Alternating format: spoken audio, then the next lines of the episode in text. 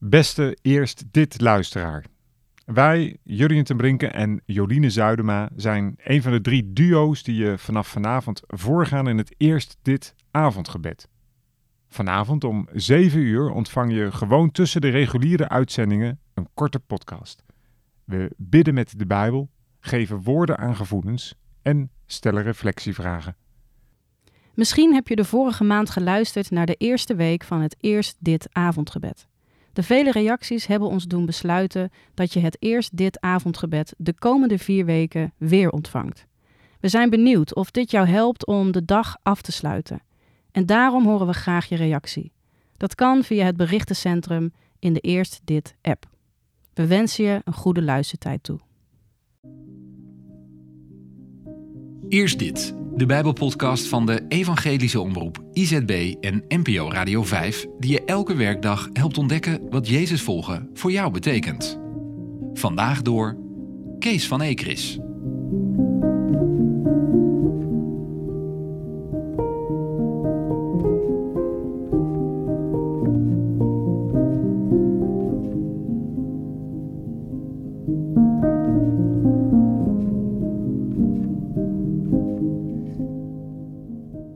Vandaag lezen we uit het Paasevangelie, Johannes 20, vers 19 tot 23. Op de avond van die eerste dag van de week waren de leerlingen bij elkaar.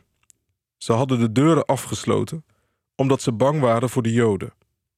Jezus kwam in hun midden staan en zei: Ik wens jullie vrede. Na deze woorden toonde hij hun zijn handen en zijn zijde. De leerlingen waren blij omdat ze de Heer zagen. Nog eens zei Jezus: Ik wens jullie vrede. Zoals de Vader mij heeft uitgezonden, zo zend ik jullie uit. Na deze woorden blies hij over hen heen en zei: Ontvang de Heilige Geest. Als jullie iemand zonde vergeven, dan zijn ze vergeven. Vergeven jullie ze niet, dan zijn ze niet vergeven.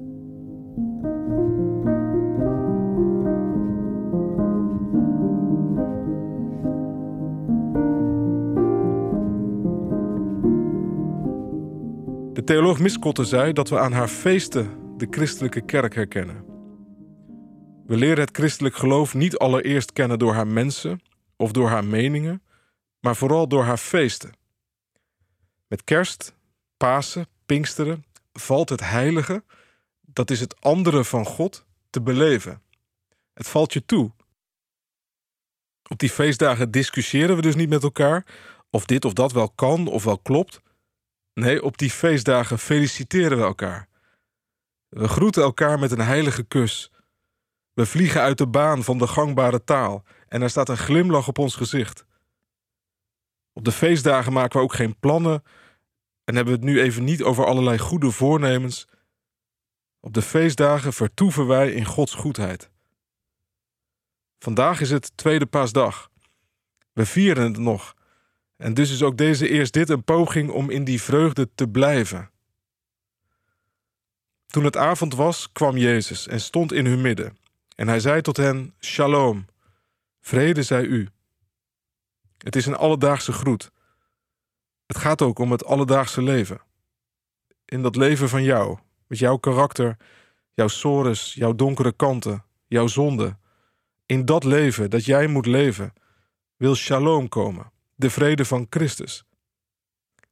Pasen leert je liefde voor het leven en haat tegen de zonde en de dood. Wij leren met Pasen ook om ons niet vast te klampen aan het leven, alsof dit het uiteindelijke is.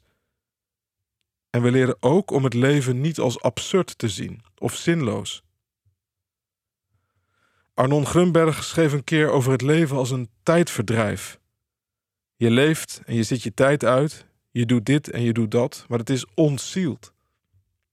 En er zit verveling in, in die zin, en absurditeit, soms zelfs walging.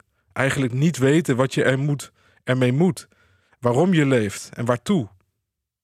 als je Jezus shalom hoort zeggen, dan verandert dat. Dan komt er bezieling in je leven. Ik bedoel, één heeft geleefd, werkelijk geleefd. Hij ademde, hij streed, hij genas, hij leed. Hij was Gods dienaar. Hij zei de geweldigste, onmogelijkste dingen.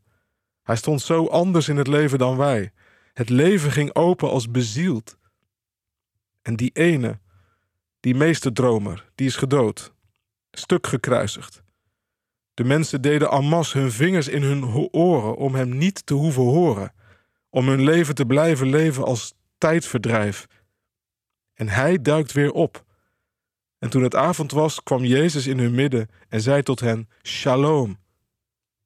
Hij is op een plek geweest die met geen woorden valt te omschrijven. In de dood, in de godsverlatenheid, in de hel. Maar dat ligt nu achter hem.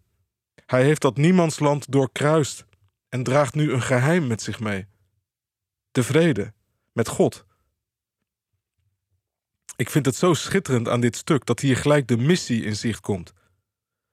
Maar let op, niet gelijk doenerigheid, maar eerst als een ander mens in het gewone leven staan. Niet meer zoeken alsof je niet al gevonden bent. Niet meer je hersens stuk denken, alsof je het geheim des levens zelf moet uitvogelen. Niet meer dat nerveuze uit de weg gaan van de dood. Vrede, dat is je onderdompelen in een wereld van kennis van Christus. Er staat iemand in het midden die alles weet, die ons aan God hecht, die ons leven bewaren zal in de dood, de zonde verzoend heeft.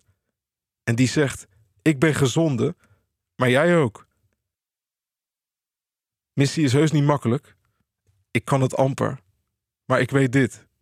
Het begint met de ervaring van de tegenwoordigheid van Jezus. Hij leeft. Hij begint in Jeruzalem deze vrede de wereld over te blazen. En hij blaast ook in ons. Adem in, adem uit. Je wordt gegroet door hem die de hel gekraakt heeft. Je hoeft geen verloren leven te leiden. Je kunt in shalom leven. Geloof het evangelie en je zult behouden worden.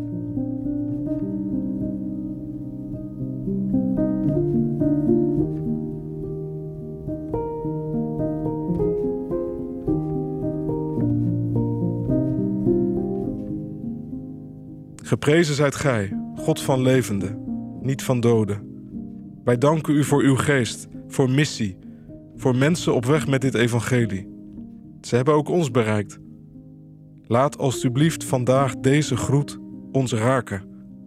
Geef ons de bezieling om te leven, de vreugde om getuige te zijn en de vrede om te sterven. Amen.